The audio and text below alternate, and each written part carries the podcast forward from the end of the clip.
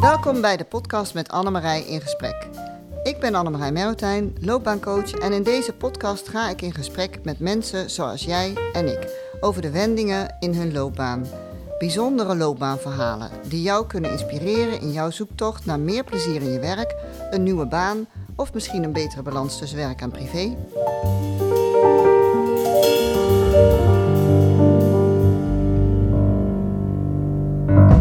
Vandaag te gast aan tafel Iris Poels. Welkom.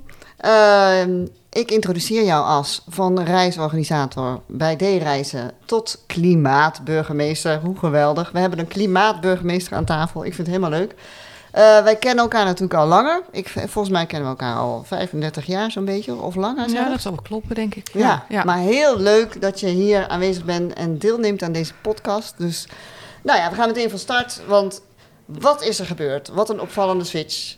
Vertel maar. Zo, dat is gelijk een hele grote, hele grote, grote, vraag. Wow, wat is er gebeurd in de afgelopen 35 jaar? nou, we beginnen maar met het einde van D-reizen werken, reisorganisatie.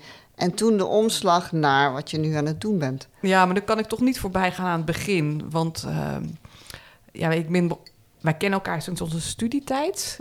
En uh, ik heb toen een, ja, een opleiding gedaan, die bestaat al niet meer, gelukkig, consumentenkunde. Dat was met het idee consumentenvoorlichting en ook omdat er toen andere wetgeving was ontstaan, dus dat de verkoper aansprakelijk werd. Dat was een beetje het idee dat je dan klantenservice op kon gaan zetten. Mhm. Nou ja, waarom ik die opleiding ben begonnen is een raadsel, maar ik rolde er in ieder geval makkelijk doorheen. Toen dacht ik nog, ik ga uh, studeren, maar dat uh, vond ik helemaal niets bij de universiteit. Uh, toen ben ik naar Parijs gegaan en daar hebben wij elkaar ja, ontmoet. Precies, in Parijs. ja, ik deed iets aan de Sorbonne, jij studeerde daar ook. Nou ja, en terug in Nederland studie afgerond, helemaal, of in alles afgerond. En dan ga je aan het werk. Ja. En toen kwam ik eerst bij een uh, reclamebureau en toen weer via anders ook in een reclamebureau. Ik heb het nu over eind 80 jaar, ja. begin 90 jaar. Dus was dat helemaal hot en happening. Mm -hmm. En um, nou ja, dat was steeds een plek dat ik dacht, hm, dat is het niet.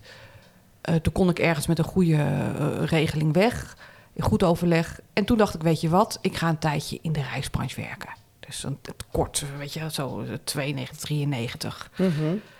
En dat werd wat langer dan dat kort. werd wat langer, ja. Want ondertussen man, kinderen, nou ja, zo. En ook in de reisbranche, ja, dat was eigenlijk voor iemand met, uh, ja, die zich snel verveelt, zo omschrijf ik mezelf maar even, ja. is dat best wel een, een, een, leuke branche in de zin van je werkt steeds met allerlei verschillende korte projecten. En ik werd leidinggevende en ik ging me steeds meer inzetten om uh, duurzaamheid, zo'n 15 jaar geleden. En, maar daar begon het te knagen. Dus Hm. dat is eigenlijk um, in het begin, uh, uh, toen ik daarmee begon met uh, duurzaam reizen, toen, werk, toen werkte ik inmiddels al wel voor een hele ho grote holding. Kreeg ik ook wel van heel veel mensen te horen: ja, het is heel belangrijk wat je dat doet en dat je dat geluid laat horen, hoe belangrijk het is om duurzame keuzes te maken in ons Ja. reisgedrag. Mm -hmm. Want je werkt voor een grote organisatie, dus je hebt veel invloed. Maar 95 of misschien wel 98 procent van de organisatie, ja, die keek me aan van, nou, waar heb je het over? Ja, En um, nou, ik ging voortvarend verder en er waren gelukkig ook wel wat andere mensen, maar het bleef ontzettend trekken aan een dood paard. Weet je, dat je dan merkt van, uh, ja, ik kreeg steeds meer door van hoe schadelijk het is als je in het vliegtuig met name stapt om te, te reizen. En ook wel hoeveel rare kanten er aan ons reisgedrag zitten. Dus hè, je ziet heel veel mensen die werken het hele jaar zich helemaal kapot uitnaadje. En dan moet je dat, ja, die grote vlucht naar dat vakantiegedrag. Dus Ja. daar. En um, ja dat is... er gingen heel veel kanten gingen schuren, maar ondertussen ik gaf aan steeds meer teamsleiding. Ik deed nog steeds dat duurzaamheid. En uh, ja, toen kwam corona. Ja, nou, dat Toen kwam- erin. Toen kwam corona. En ehm, gek genoeg, mede doordat ik werkte op het reisbureau, eh, daar spraken we heel veel verschillende mensen. Onder andere iemand die eh, ja, een hele hoge functie had in verzekeringen, wereldwijd afsluiten. En die had al vrij vroeg, eh, eigenlijk voordat corona in Nederland groot was, met mij gesprekken over hoe het, hoe het scenario zou kunnen zijn Mhm, met zo'n virus. Want blijkbaar, die meneer had er vaker over nagedacht. mhm. En ehm, hij had toen ook een hele grote reis bij ons ondergebracht. Dus nou ja, En hij gaf mij een soort tips van wat je moest doen. Dus dat kwam er eigenlijk op neer dat één, hij zei van, oh, dit land gaat op slot. Dat zei hij ergens toen al in januari. Ja. Ehm, nou ja, weet je, dus zo ging je allerlei... Dus het, nou ja, weet je, dus het, het verraste me toen niet. Het was een, echt een oudere meneer, maar Ja. die gewoon met de afstand uitzoomen dat kon vertellen. En, eh, en nou ja, dat gebeurde. En toen ehm, had ik al vrij snel, zag ik wat er gebeurde ook in de reisbranche. Ja, ik vind gewoon dat die misbruik hebben gemaakt van de coronasituatie toen. Mhm. Dus ik dacht al van, ja, dit voelt gewoon niet goed. Je zag hoe ze al die de goede naar zich toch. Ik dacht, ja, ik wil deze branche gewoon verlaten. Ja, want jij kwam in een uitkering terecht, maar ik weet van jou dat je wel ook weer een aanbod gedaan is in die Ja, tijd. nou ja, toen kreeg ik inderdaad. eh, Part-time eh, job. Ja, ze, eh, ze gingen, de, de deel ging failliet, er kwam een doorstart. En ik was een van de eerste die werd benaderd of ik daarbij wilde blijven. Ja. En toen heb ik daar een soort van ja tegen gezegd, maar ook dat ik dacht van, ga ik dit wel doen? Hmm. En toen heb ik wel gezegd van, eh, ja, nee, ik, eh, ik, ik, ik ga pas over een paar maanden hier antwoord op geven. Hm. En, ehm, Wat dus toen, en wat ik heel erg van het begin van door had, van ik heb de tijd nodig om na te denken wat ik nu echt wil. Ja, Ehm, dus dat vond ik een heel belangrijk iets. Ik dacht van, ik, ik kan niet, ik heb nu echt zoveel jaren in een soort ratrace gezeten van best wel een drukke baan en ja. eh, kinderen die inmiddels het huis uit zijn. Maar weet je, dus die combinatie. Ehm, wat ga ik nu doen? Ik ben nu net eh, v- eh, 50 plus. Ja, Ehm, je gaat nog best wel veel werken. Ja, en ik merkte gewoon dat duurzaamheid, eh, de situatie waar de wereld in zit, waar de leefbaarheid van de planeet zo onder druk staat, ja, dat gaat me echt aan het hart. ja. Ik heb altijd enorm interesse gehad in ecosystemen, ehm, ja, hoe dingen werken. eh, Is dat een beetje van thuis uit? nou, niet, nee, niet echt. In de zin van wij woonden wel buiten. En ik had bijvoorbeeld. Het is wel zo dat eh, mijn moeder en ook mijn oma. eh, die konden wel wijzen op bijzondere eh, dingen. Maar niet dat zij nou echt heel erg duurzaam zijn. Helemaal niet. Tegenovergestelde zelfs. Maar wel met, met, met misschien moestuinen of, of, eh, of dat soort zaken? Mm, Nee, kan ik niet echt zo stellen. Nee. Hm. Nee, dat is niet. Dat kwam later pas bij jou dan ook. ik vond het zelf, ik, zelf al gewoon leuk om, om te zien ja, hoe de natuur met interact, als je dit weghaalt, dat dat toeneemt. En nou ja, weet je wel, zo. En wat wel was, ik ben ehm eind lagere school ben ik eh, vrij lang ziekelijk geweest. En we, we waren verhuisd van een bovenwoning naar een huis, huis onderaan de dijk. En ik lag altijd in mijn bed te denken van... hoe kan dat nou dat dat water niet over ons heen stroomt? En ehm, ik ging ook al naar... Vroeg, na zes uur 's morgens kon je dan de waterberichten luisteren. Ging ik dan bijhouden, weet je wel? Van, Ja, eh, ja, ja. Oh, bij Lobit staat het water nu zo. En, Hm. ehm, en ook wel eh, dat ik dan merkte van... oh, heel, wel heel veel auto's en wil ik dat? En ik heb in die leeftijd toen wel al gedacht... Moet je, dat is echt 10, 11 jaar, van... Mhm. oké, eh, ging ik al helemaal voorstellen... hoe zou mijn leven dan zijn? En één belangrijk ding was dat ik... ik wilde niet veel met auto's te maken hebben. Nee. Ik vond het lelijk. En, Ja. eh, dus dan had ik al bedacht van... oh, dan moet je dus ergens in een stad gaan wonen... en ook daar je werk zoeken, want dan kan je op je fiets. En als je in de kern van een oude stad woont... dan kan dat ook niet verpest worden met lelijkheid. En dan lelijkheid heb ik het over ja, eentonige blokkendozen. Of... Ja, ja, ja. dus ja, dat heb ja, ik wel al als, als kind... Dat is echt... Ja, later kwam dat weer bovenborrelen. Ik heb het ook nog ergens in een dagboekje opgeschreven. Oh, wat grappig. Ja. Ik moet ook, nu je dit zo vertelt, spontaan denken aan Molletje. Die, dat tekenfilm. Ken je die tekenfilm? van dat kleine plaatje, molletje? maar niet het verhaal. Oh, nee, oké. ja, ja. Dat is zo'n zo'n zo'n molletje die dan, eh, nou ja, goed, eh, heel erg voor eh, na- natuurlijk de natuur, die wil die natuur behouden. Maar de, de westerse mensen, Oh ja, de die moderne mensen, die buldert eroverheen en die maakt nou, de hele natuur. Ja, het is, ook, het is ook de schoonheid en de liefde voor het leven. En ik geloof heel erg in, ja, in, in het leven. Ja, En ik geloof ook heel erg in dat er eh, leven is voor heel veel mensen op deze planeet als wij ons gedrag aanpassen. mhm, mhm. Dat, ja, weet je, dat, sommige belangrijk. mensen zeggen van ja, er zijn gewoon veel te veel mensen op deze aardbol. Nou, ja, dat vind ik twijfelachtig of discutabel op zijn minst. mhm. Want ik denk als we allemaal gewoon ons gedrag aanpassen en minder vervuilende keuzes maken ja, en ehm, je heel erg richt op eh, het meer leefbaarder maken van de aardbol. Mhm. En dat begint bij de bodem. Dat begint bij te kiezen voor een gezonde bodem. Ja, Dan ja, ben ik er toch wel ergens van overtuigd dat dat kan. En Ja. eh, daar ben ik heel veel informatie over gaan zoeken en mensen benaderen. En daar, doordat ik heb gekozen om niet mee te gaan eh, in die reisbranche, zeg maar, naar de volgende stap, heb ik eigenlijk tijd gecreëerd. Weliswaar met een uitkering, maar ik vond gewoon, ja, weet Mhm. je, als je zoveel jaar gewerkt hebt. Ik ging ook braaf solliciteren hoor, en braaf allemaal gesprekken. Ik heb gewoon gedaan wat, wat, Wat je, moest. moet, wat je Mhm. moest doen. maar je gebruikte ook ook, wel- de tijd Ja. om tot bezinning te komen Ja, want ik beetje. kreeg best wel veel aangeboden. En ik moet ook, een paar keer heb ik ook wel echt op het punt gestaan om te denken van nou, nou dan toch maar. En ik heb ook wel eventjes geprobeerd bij een duurzame reisorganisatie. Ehm, maar toen dacht ik, nee, dit is het toch niet. Mhm. En eigenlijk in combinatie eh, met eh, in mijn moestuin bezig zijn en ook daar mensen uitnodigen. Jij bent daar ook een keer geweest. Ja, zeker. Maar Hartstikke er zijn echt ja, tientallen mensen, die lokte ik naar die moestuin toe om omdat ik dat een hele leuke plek vond om daar gesprekken met mensen te voeren. En dan leerde je mensen ook een beetje over eh, dat moestuinieren of, dat, of eh, wat voor gesprekken voerde je daar? Nou, dat, dat wisselde. De ene keer waren dat echt mensen, zakelijke mensen, contacten die ik nog had van de Zuidas bijvoorbeeld. Omdat ik daar, hè, dat is heel ander. Maar ik heb ook wel eens mensen kwamen ook daar naartoe die zelf al eh, tuinders zijn en, en zo. En, eh, Hmm. Ehm, nou ja, en toen merkte ik, en dan kreeg ik ook wel heel snel terug van mensen van ja, jouw kracht is gewoon dat je gewoon heel goed eh, kan netwerken Hmm. en niet bang bent om met mensen in gesprek te gaan. En wat ik wonderlijk vind, is dat mensen ook met mij in gesprek willen. Maar Ja. oh, dat is al.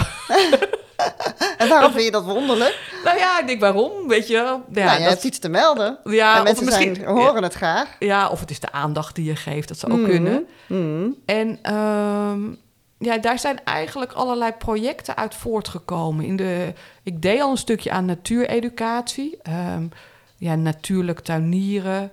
Eh, wat is dat? En dat zijn meestal een soort van vijf bijeenkomsten. Ehm, soms werd ik ingehuurd door een organisatie. Soms vroegen ze het ergens om te doen. Dan gingen mensen er zelf voor betalen. Ja, Eh, dus dat ging ik zo langzaamaan zo'n beetje opstarten. Dat veranderde steeds meer in een beetje een soort bijeenkomsten over wat is ecologisch of duurzaam leven. Mhm. Waar mensen allerlei informatie met elkaar uitdelen. En wat ik ontzettend leuk vond, is dat echt hele verschillende mensen op afkwamen. Ja, je moet je voorstellen, midden in de stad, in een meestal zo'n stadsboerderij. Eh, Ja.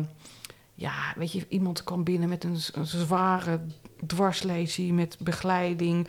Maar ook een, een man, een jonge man, die verkeersleider op Schiphol.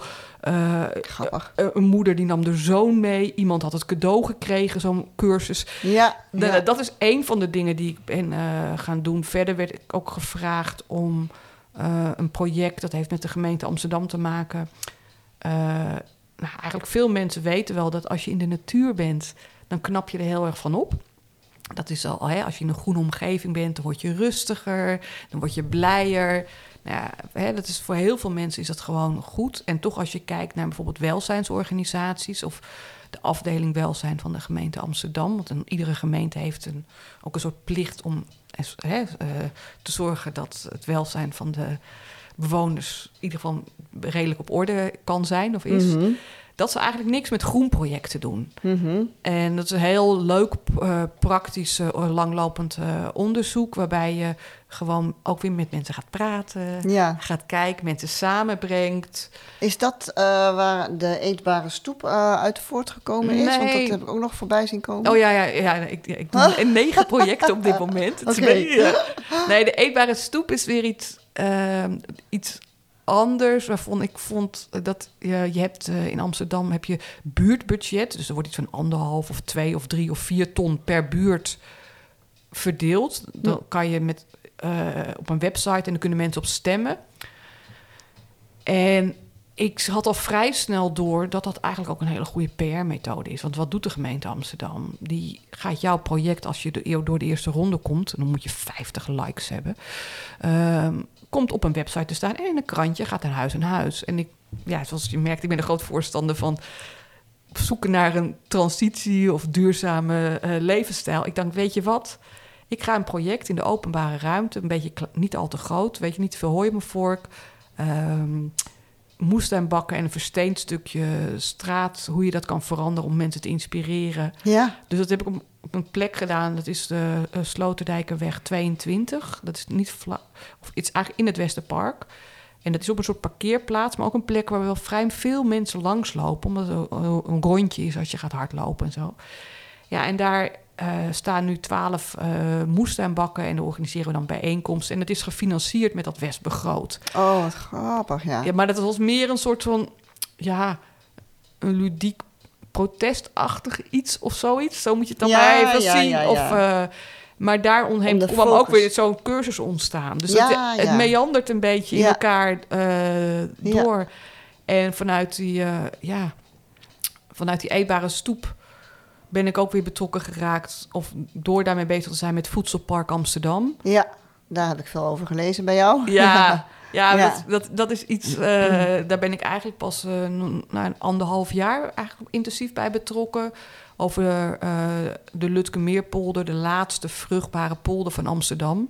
Waar de gemeente Amsterdam, maar trouwens ook de gemeente Haarlem, waar we nu in zitten. Want het is de projectuitvoerder daarvan is gemeente Amsterdam. Maar ook de provincie Noord-Holland en de gemeente Haarlemmerlieden en Schiphol. Ja, ja, Die willen ja. daar distributiehallen neerzetten. Oh, Maar die staan er nog niet. En er is, Mhm. is al een hele lange strijd over.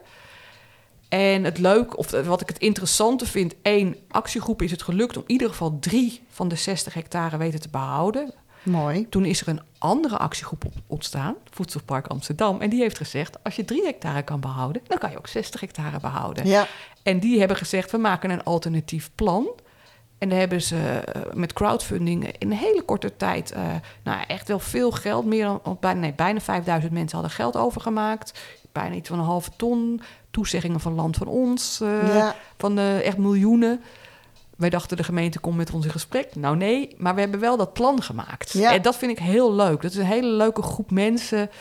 ehm, die kiezen voor een positieve verandering... en niet blijven hangen van in het kan niet. Mhm. En via die groep kom ik ook weer met allerlei andere mensen in Ja. gesprek.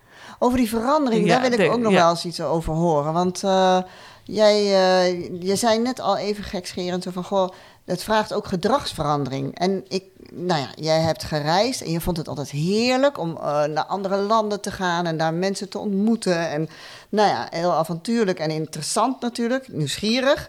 En nu reis je niet meer op die manier, eh, vanuit je hè, ideeën. eh, nou ja, goed. eh, maar ik weet, je hebt mij wel eens verteld, dat vond ik heel leuk en dat, daarom vraag ik ernaar. Van wat, wat heb jij aan jezelf veranderd in je reisgedrag? En dat je toch wel dat avontuur opzoekt, maar niet ene vliegtuig naar het andere pakt. Nou ja, kijk, je bent beter met duurzaamheid... en op een gegeven moment zie je ook wel echt wel letterlijk hoe schadelijk dat reisgedrag is. Dus dat, daar begon het natuurlijk mee. En ik hield, ja, weet je, ik hield mezelf deels voor de gek in de zin van. Ja, ik deed ook echt topreizen. Hè? Dus ik werd echt met topaccommodaties uitgenodigd. Op. En een van de laatste reizen was, eh, eh, werd ik uitgenodigd op iets wat op de Malediven. Echt een waanzinnig villa private island. Nou jongens, google het niet, want je wordt gek van. Geen Maar, eh, nee, maar echt. nou, weet je, dus- en ik had mijn jongste dochter meegenomen. Die was toen 17. Ik dacht, eh, en die is eigenlijk al best wel ja, met een kritische mindset geboren. Dus ik dacht, weet je wat, ik neem haar mee en dan, dan ga- snapt ze ook wel wat ik zo leuk vond.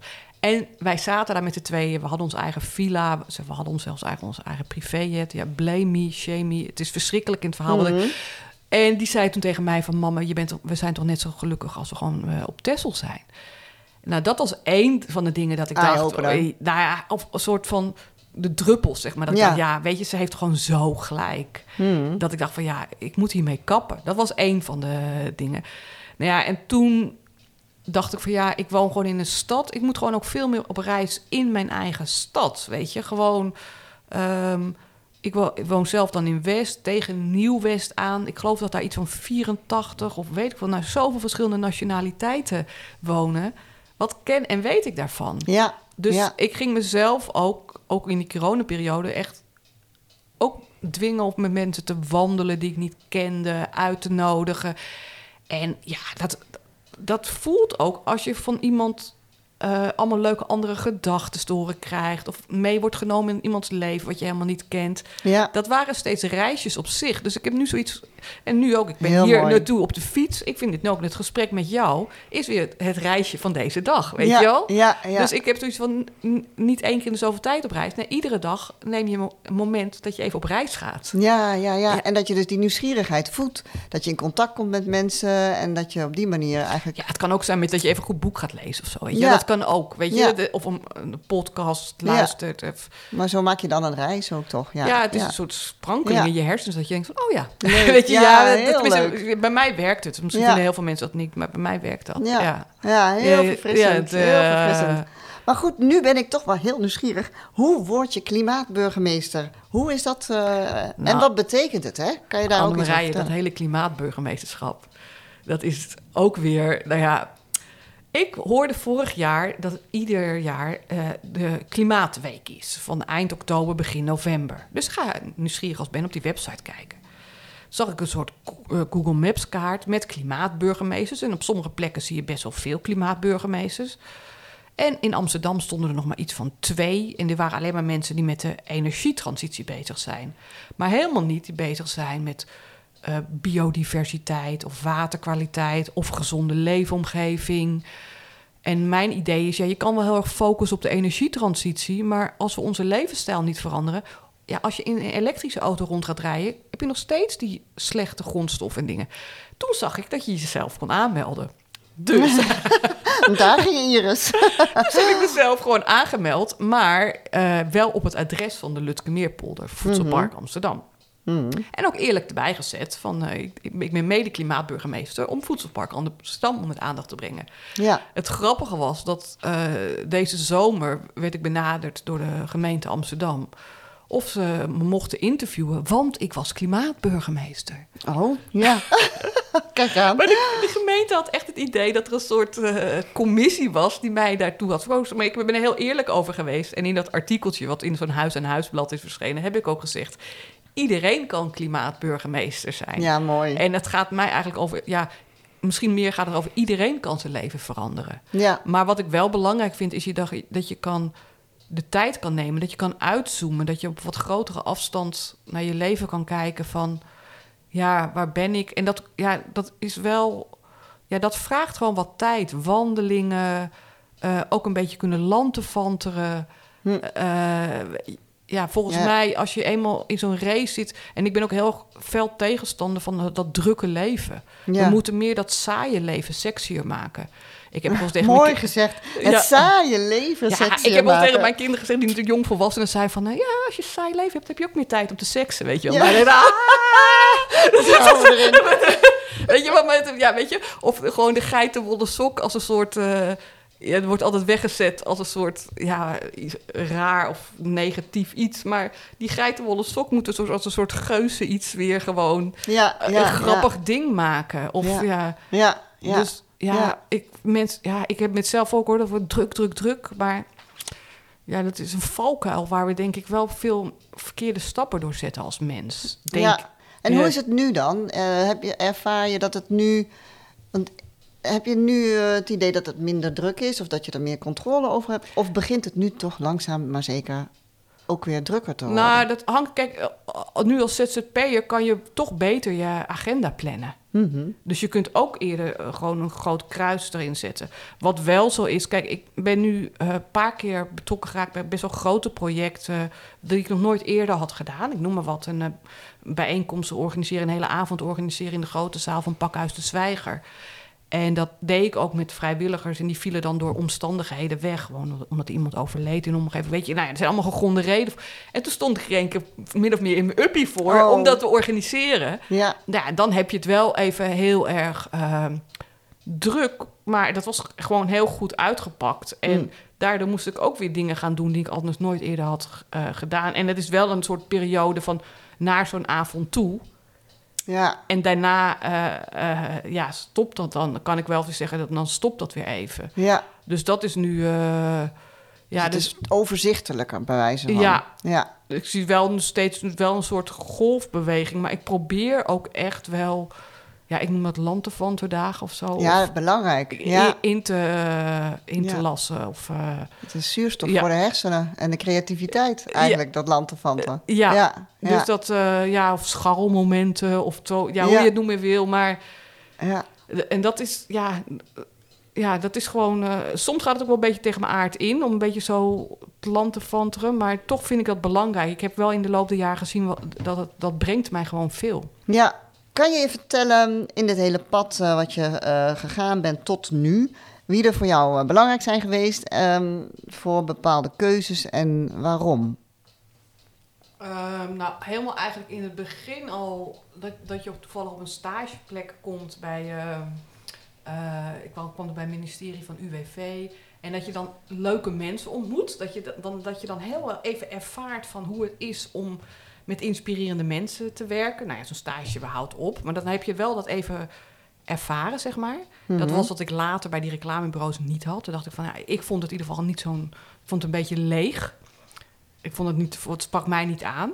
Dus dan weet je al... Dus dat is, dat is even een... Dat is een beetje meer een groep en een sfeer. Ehm, ja, en later... eigenlijk- Ja, voor mij is altijd wel belangrijk geweest... de mensen met wie, met wie je werkt. Mhm. Ehm, dus in het begin van de reisbranche werkte ik nog bij de MBBS. Dit was, ja, dat was heel... NBBS. Ja, dat was eigenlijk vanuit de Leidse studentenverenigingen. En die namen ook echt best wel veel, ja, noem het maar even, gesjeeste studenten aan. Met eigenlijk helemaal geen mensen met een toeristische opleiding. Want ze hadden zelf een vrij goede interne opleiding. Mhm. Nou, en dat was echt super leuk, weet je. Daar heb ik ook wel echt mensen ontmoet met wie ik nu nog steeds in contact ben. Ja, Eh, ook wel iemand, eh, weet je, die architectuur had gestudeerd. Of iemand die pedagogiek had gestudeerd. Of nou, echt allemaal heel geschiedenis. Dus Hm. ja, je kreeg ook de meest ja. andere eh, interesses en eh, ja, dingen mee. Dat was een hele leuke, ja, ik noem het maar even kruisbestuiving, om het maar weer Ja, even... ja, ja, ja. dus ja. dat is... eh, en toen later, toen ik de reisbranche commerciële werd, ja, had ik die ervaring minder of eigenlijk niet. Hm. was ik daar wel altijd een beetje zoekende eh, naar. En nu dan? Eh, Misschien in de periode dat je even die stil, stilstand Ja. had en die gesprekken. Ja, waren, maar was toen iemand- wel, toen zeg maar in die reisbranche, het laatst heb je wel zo krijg je van die loopbaancoaches, weet je wel? Mhm. Nou, en er was er één zo'n loopbaancoach eh, die zei van, want ik was altijd heel hard bezig om mijn werk zo leuk mogelijk te maken. Mhm. Toen zei jij, je kunt ook omdraaien. Je kunt ook zeggen, ik doe het minimale. Hm. En ik ga eens kijken, hè, dus minder op je werk eh, doen. Je doet gewoon precies wat ze van je verwachten. En je gaat zoveel mogelijk van je af. Eh, nee, zo, weet je wel. Ja, ja, ja. Ja, en dat ja. heeft mij toen wel eh, geholpen om wat meer met afstand alles er naar, naar te kijken. Maar dat is al een jaar of tien of zo geleden hoor. Maar dat ik wel vanaf dat moment, dat was wel een soort keermoment. Ja, want grappig is dat dat is wel wat je bent gaan doen eigenlijk. Want je bent heel erg in je eigen interesse en in je eigen, nou ja, waar, waar, je, waar je je hart naar uitgaat. Daar ben je meer mee gaan doen Ja. eigenlijk de laatste periode. Ja, ja, en natuurlijk ook weer gewoon, weet je, ook gewoon thuis. Mijn man die er ook kritisch in, die begon ook steeds krantartikelen heel uitgebreid op de keukentafel te leggen over schadelijke impact van de rei- reisdag. Maar iemand die zo dichtbij staat als je partner is misschien niet altijd de juiste persoon qua Mhm. je werk. Weet je, dat is toch iets. Anders, ja. Ja, en ik geloof daar ook wel in dat met eh, professionals, eh, of juist mensen die je minder goed kennen, Hm. als je daar het gesprek over aangaat. En het grappige was ook, op een gegeven moment hadden mensen tegen mij gezegd, ook geloof ik zo'n loopbaancoach op je werk, wat je daar aangeboden. Ja, de artist way, dat is iets voor jou. Ik, de artist, ik had er nog nooit van gehoord. En- Wat is de artist? ja, dat ga ik je vertellen. Nou, toen eh, kwam ik ergens, zat ik in de trein, lag er zo'n tijdschrift, weet, ik weet geen meer, stond over de Artist Way. In, nou, ik denk, oh, dat is ook toevallig. Was binnen, binnen 48 uur of zo. Toen begon mijn zus daarover, Nou. over Artist Way. en ik was eigenlijk nog steeds een beetje oppervlakkig. Ik had inmiddels wel door, oh, het is een soort methode om te zoeken naar wat je leuk vindt. Mhm. Toen ging ik op Google gewoon kijken. En toen zag ik dat iemand die de Artist Way geeft... die zat op 500 meter bij mijn huis vandaan. Nee. En dat er een, een cursus een maand later of zo begon. En het was ook nog ineens helemaal niet zo heel erg duur. Dat waren iets van verschillende bijeenkomsten. En er is een boek over geschreven, dat heet Art. En dat neem je dan mee. Nou, ja, en dat was, dan zat je met eh, acht mensen zeg maar, om tafel. En een van de dingen die je moest doen is dan moet je iedere dag moet je drie bladzijden schrijven, iets groter dan A4. Ja. Mhm. En dan eigenlijk het liefst dat je de dag daarmee begint. En dat is een beetje een soort meditatief schrijven. En het mag overal over gaan, alles is goed. Nou, dat heb ik niet de hele cursus volgehouden, maar wel, wel een tijdje.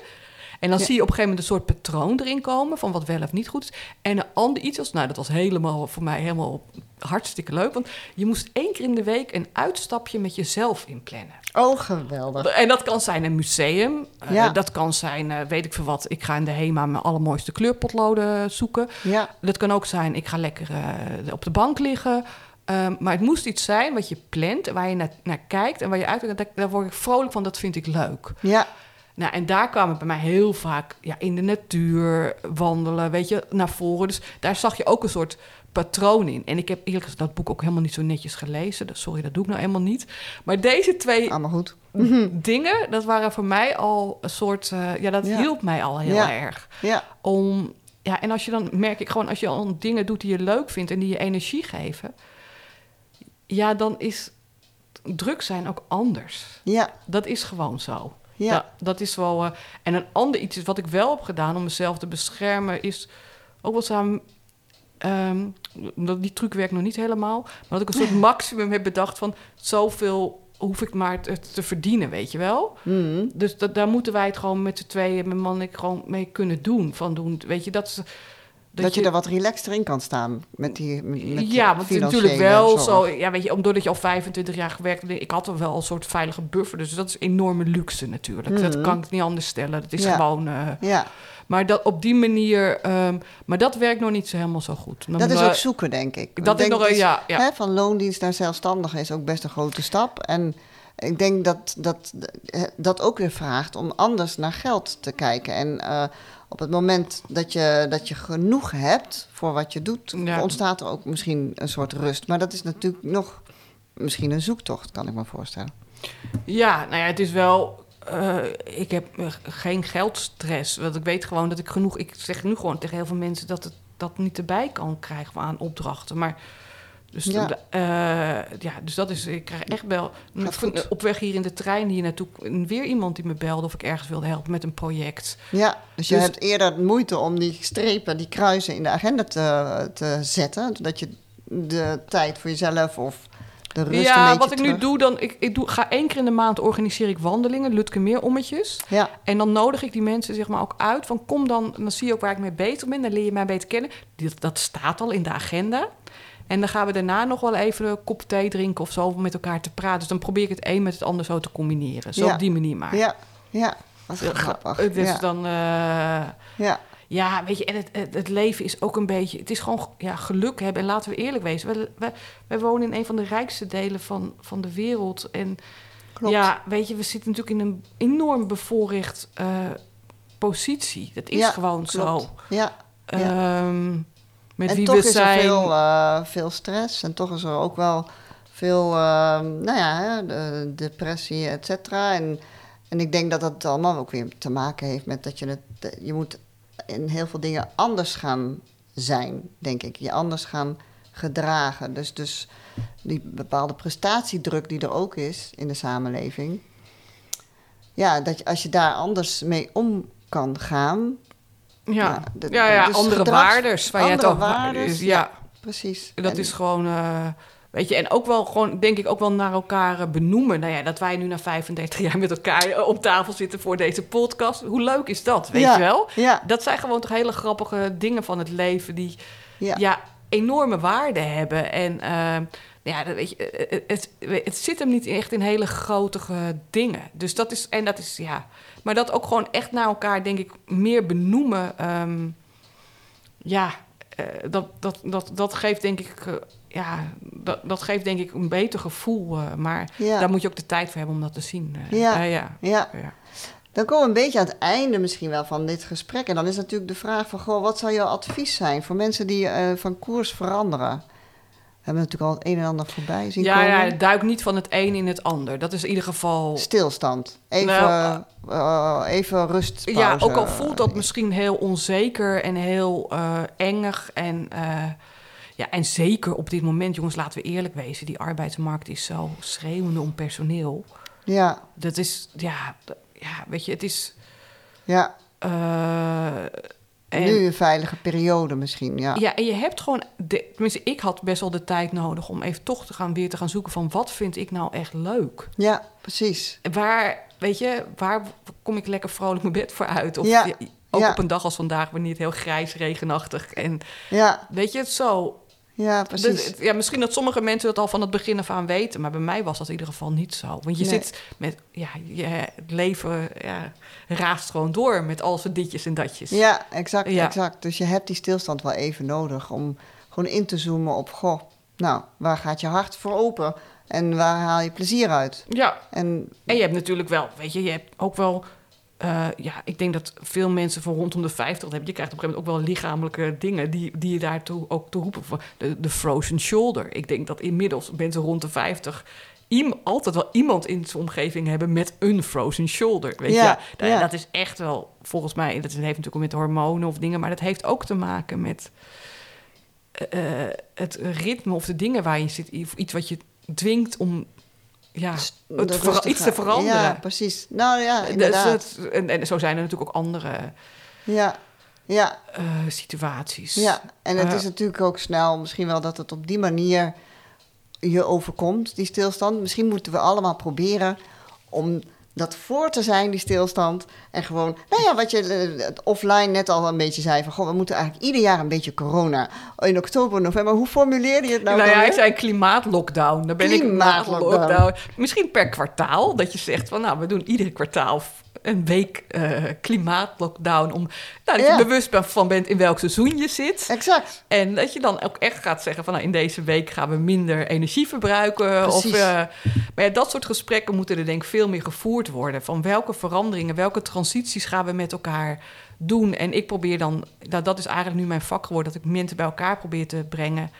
Om daarover Ja. met elkaar in gesprek te gaan. Ja, nou, super. Ja. Super. En waar, hoe kunnen we jou vinden? Want Nou, we ja. willen natuurlijk Iris gaan vinden. Ja, in, in het groen met Iris. Dat is een website, maar er staat geloof ik ook gelijk van eh, altijd onder constructie, want ik ben veel buiten. Mhm. Of aan het kletsen, zoals nu. Eh, Ja. nou, dat klopt, maar er staan in ieder geval mijn contactgegevens op. En eh, af en toe probeer ik daar ook even iets eh, te plaatsen. Ja, verder gewoon op LinkedIn en dat soort dingen. Ja. Natuurlijk, net zoals iedereen. eh, Nou, ja. lekker meewandelen. Ik ga zeker een keer meewandelen. Heb ik al drie keer gezegd, dus ik ga het zeker doen. Oh, Hartstikke welkom. leuk. Oké. Nou, dankjewel Iris. Ja, blijven wandelen. Doeg. Doeg.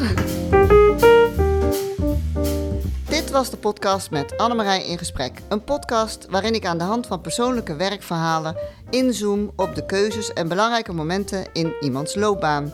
Wil je geen aflevering uit deze serie meer missen? Abonneer je dan in je favoriete podcast-app. Leuk dat je geluisterd hebt en hopelijk tot de volgende keer.